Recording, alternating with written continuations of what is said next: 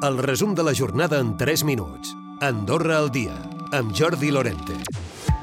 Andorra patirà aquest dijous un altre tall en el subministrament de llum per part d'Espanya. Es tracta del tercer després dels produïts els dies 4 i 10 d'aquest mes, entre 2 i 3 hores. Ho confirmava la ministra de Medi Ambient, Sílvia Calbó. Els dos primers la ciutadania no els ha notat, FED ha llençat el seu pla de contingència, ens connectem a França i fem funcionar doncs, la nostra producció hidroelèctrica nacional justament també per ajudar doncs, a, a compensar part dels costos. Per tant, farem el mateix aquesta vegada, un missatge també de tranquil·litat veritat, nosaltres eh, estem preparats per afrontar aquests talls de llum i, i els farem el mínim gravosos possibles per a la ciutadania. El PS, de la seva banda, ha criticat aquestes mesures energètiques i també l'increment de la factura. Diu que van tard i que s'haurien d'haver adoptat ja l'estiu i que tot plegat es resumeix en un desgovern de la situació. Molt més conciliadora ha estat la formació de tercera via que creu que no és moment de fer electoralisme. La pujada de la factura de l'energia, que per als particulars és del voltant del 8%, complicarà molt més la situació per poder arribar a final de mes. Si s'ha de pujar alguna cosa, s'apuja, però un 8% és molt. La classe mitja i la classe baixa no hi podran arribar.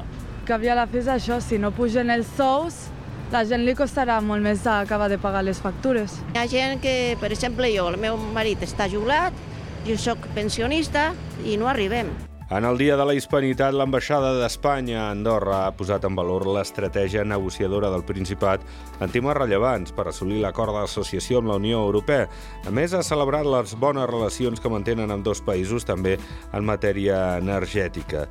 Els casos de Covid han augmentat en la darrera setmana Gairebé s'ha duplicat el nombre de casos positius. S'han diagnosticat 91 de nous des del dimecres de la setmana passada.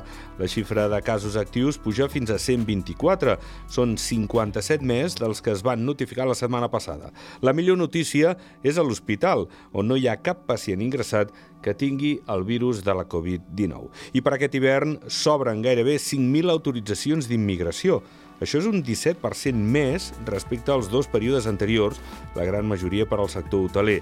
De residència i treball se n'activen 1.200, la mateixa xifra que en la darrera ocasió i Palarinsal ha tancat la campanya d'estiu superant els 2 milions d'euros de facturació, uns ingressos que superen el 12% anual. S'ha superat la xifra de 65.000 clients, sobretot procedents de França. Destaquen els espectadors que va portar la Copa del Món de BTT que van fer al juliol.